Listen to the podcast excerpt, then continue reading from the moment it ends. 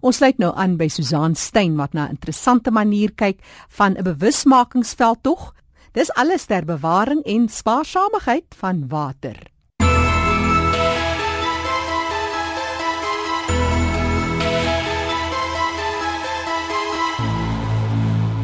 Dis om aan te dink as jy weer jou kombuiskraan oopdraai en lank wag vir die water om warm te word. Of as jy vir jou 'n lekker yskoue glas water intap, of as jy iewers langs die pad ry en sien hoe liters water 'n hele middag lank uit 'n gebarste pyp oor 'n sypaadjie afloop. Dat in 2010 reeds het meer as 'n miljard mense in die wêreld geen toegang tot skoon drinkwater gehad nie. Die gebrek aan skoon drinkwater is ook die oorsaak van ten minste die helfte van alle hospitalisasies wêreldwyd. En 1,4 miljoen kinders sterf jaarliks as gevolg hiervan. Dit is een kind elke 20 sekondes. Charles Frank is 'n advokaat, hy's ook 'n vrywilliger by die Kaapse Wynland Biosfeerreservaat. Hy's betrokke by 'n internasionale ekologiese omgewingsbewaringsorganisasie Earthcore en hy is 'n kunstenaar. En ons praat vanmiddag met hom as 'n kunstenaar want hy het pas 'n Guinness Wêreldrekord gebreek met sy grootste onderwaterskillery. Die vorige rekord was 800 by 900 cm En hierdie nuwe een wat hy nou opgestel het is 1,2 meter by 2,4 meter. Sjoe, jy wou nie net in die Guinness boek opgeteken word omdat jy graag wou hê mense moet weet wie jy is nie of omdat jy net jou skillery daar gesien wou hê nie. Waaroor gaan hierdie wêreldrekord vir jou? Die belangrikste ding is om te let op die bewusmaking van water. Dit is die UNESCO jaar van die water en soos jy weet, ons sit met 97% van die wêreld se water wat totaal onbruikbaar is, aangesien die meeste daarvan in die oseane lê vol sout. En ons sit maar met 3% van die wêreld se water wat bruikbaar is en waarvan ook groot deel alreeds vervuil is. So die aarde se waterklok is besig om vinnig uit te tik en ek en uh, klomp ander mense is besig om te kyk om mense so bewus as moontlik te maak oor die kosbaarheid van water en om water te bewaar. Op watter maniere doen julle dit? Ons het 'n um, program wat ons noem WOW, the Way of Water van die Kaapse Biosfeer wat die UNESCO Biosfeer is onder die Verenigde Nasies se Man en Biosfeer program. En omdat ek van 'n kreatiewe invalshoek kom, het ons besluit om aandag te wek om wêreldrekords te breek en ons het nou die een wêreldrekord gebreek vir die wêreld se grootste onderwaterskildery en ons beplan nog so 4 of 5 rekords om te krummel.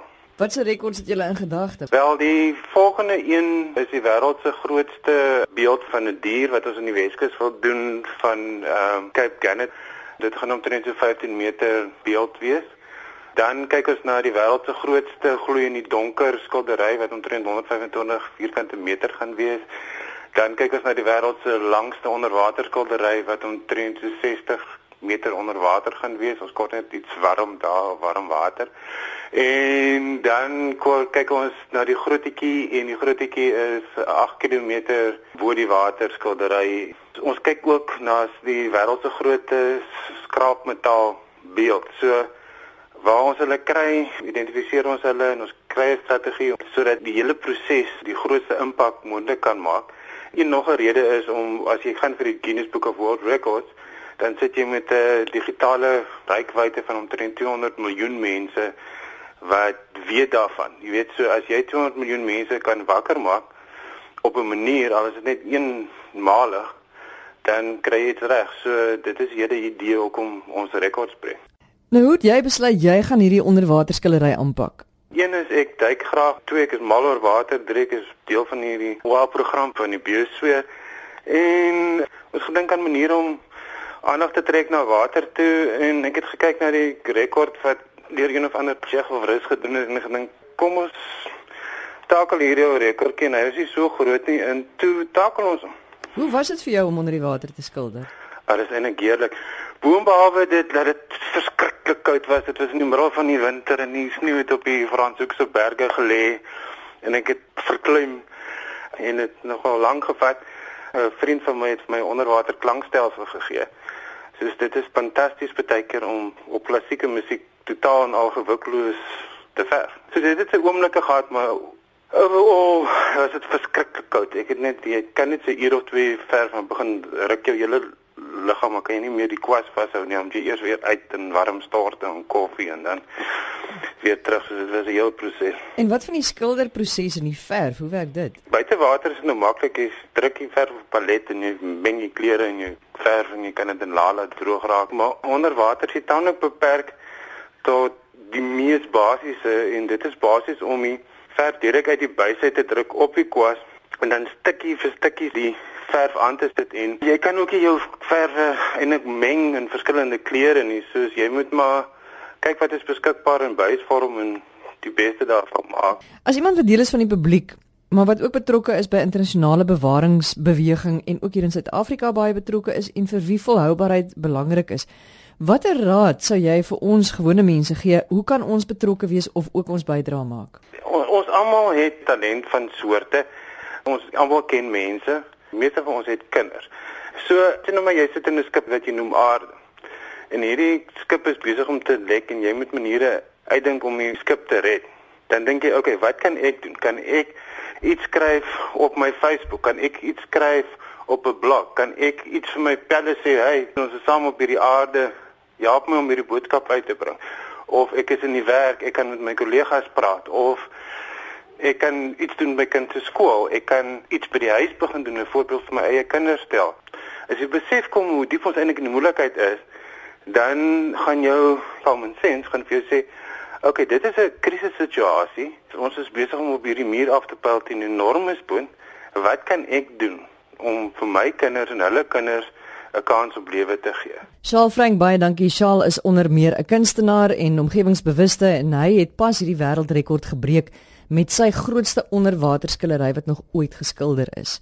Hy doen dit om mense bewus te maak van waterprobleme, waterskaarste en hy pak hierdie projekte aan. Hy gaan 'n hele reeks doen, maar hy het hierdie een spesifiek aangepak saam met die Kaapse Wynland Biosfeerreservaat. Adel Toua is hulle voorsitter en Adel Hoekom het julle hierdie projek saam met Shaal gedoen?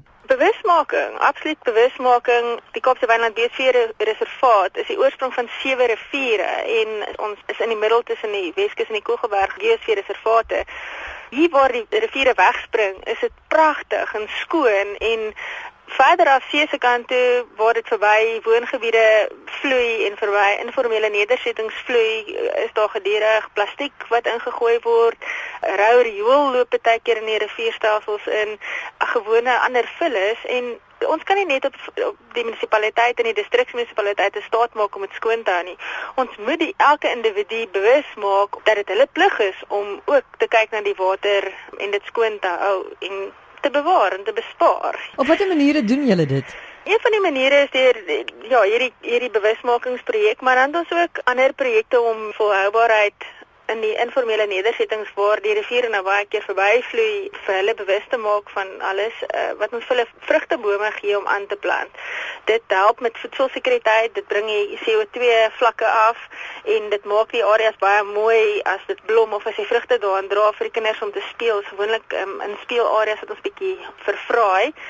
En dan is daar ook planne of ons is besig om te kyk na hoe kan hulle in die informele nedersettings water herwin en ook baie keer van die rioolwater om dit dan moontlik te gebruik om die bome water te gee en dan vind hulle weer baat daaruit. So die samewerking weer eens in in daai geval of so 'n projek is om die mense en die natuur mooi in harmonie te laat saamleef met mekaar en dat hulle vir mekaar iets kan beteken. Soos ons vir die plante of die bome wat vrugte dra, water gee en mooi na hulle kyk, dat daar nie onkruid is met wie hulle moet kompeteer nie, dan gaan die mens nou weer vrugte kry om gesond te wees en vitamiene en minerale in te kry en al daai dingetjies. Is daar nog projekte waarmee jy betrokke is om spesifiek water te bespaar? Die biosfeerreservaat self is nou nog nie so baie betrokke nie, maar ek is by die Groot Siemensberg Bewarium as betrokke en ons grootste ding is om die indringerbome uit te roei wat in die berg areas is en wateropvangsgebiede is want hulle drink verskriklik baie water. Ek gaan jok as ek sê hoeveel liters.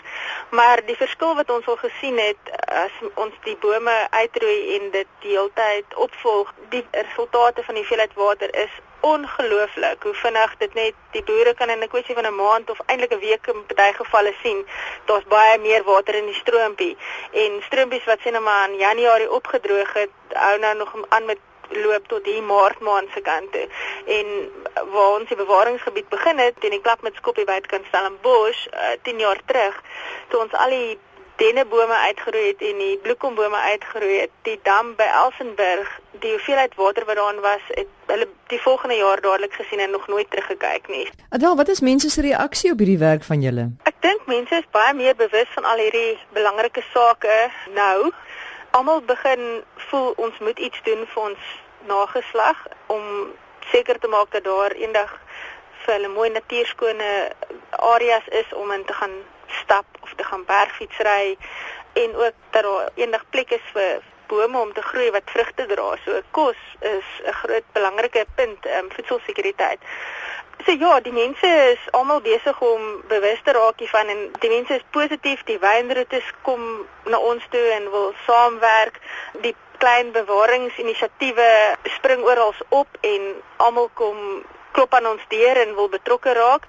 En ek dink dit is wat so lekker is van om by die biosfeer betrokke te wees en om 'n formele liggaam te hê soos die Kaapse Wynland Biosfeerreservaat, is dat al hierdie klein organisasies en ons kan hande vat en ons kan sterker raak en ons kan die munisipaliteite help en ons kan die staat help om dinge in ons gebied beter te maak. Want hulle kan dit nie alleen doen nie. Ons moet elke individu moet besef maar dis my plig om ook iets te doen. Ek kan nie net terugstaan en verander verwag om iets te doen nie Kan enige iemand by julle betrokke raak? Ons het altyd plek vir vrywilligers.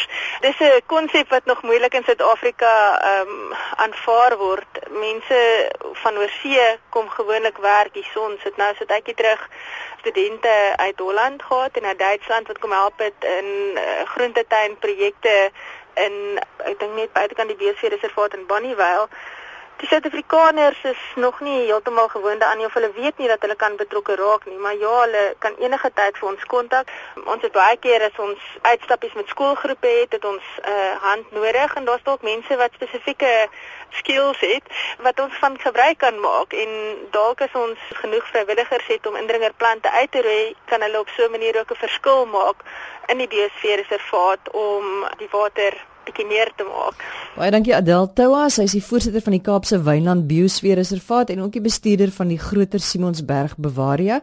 Jy kan hulle op Facebook kontak of jy kan gaan na die webadres www.capewinelandsbiosphere.co.za kyk na al hulle aktiwiteite en as jy lus het om 'n vrywilliger te word, doen dit gerus, jy kan 'n groot bydrae lewer en as dit nou nie heeltemal jou ding is nie, kan jy altyd gaan op hulle maandelik staptogte in die wynlande, 'n deel van die geld word gebruik vir bewaring.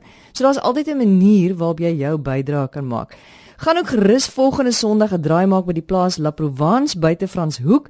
Hulle hou 'n kunsveiling ten bate van natuurbewaring en Charles se skillery gaan daar tentoongestel word vir die eerste keer. Moet jy sien, dis die grootste skillery wat nog ooit in die wêreld onder die water geskilder is. So gaan kyk gerus. Tot volgende keer, totsiens.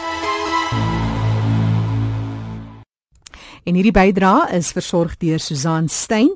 Net weer daai webtuiste. Dis www capewinelandsbiosphere.co.za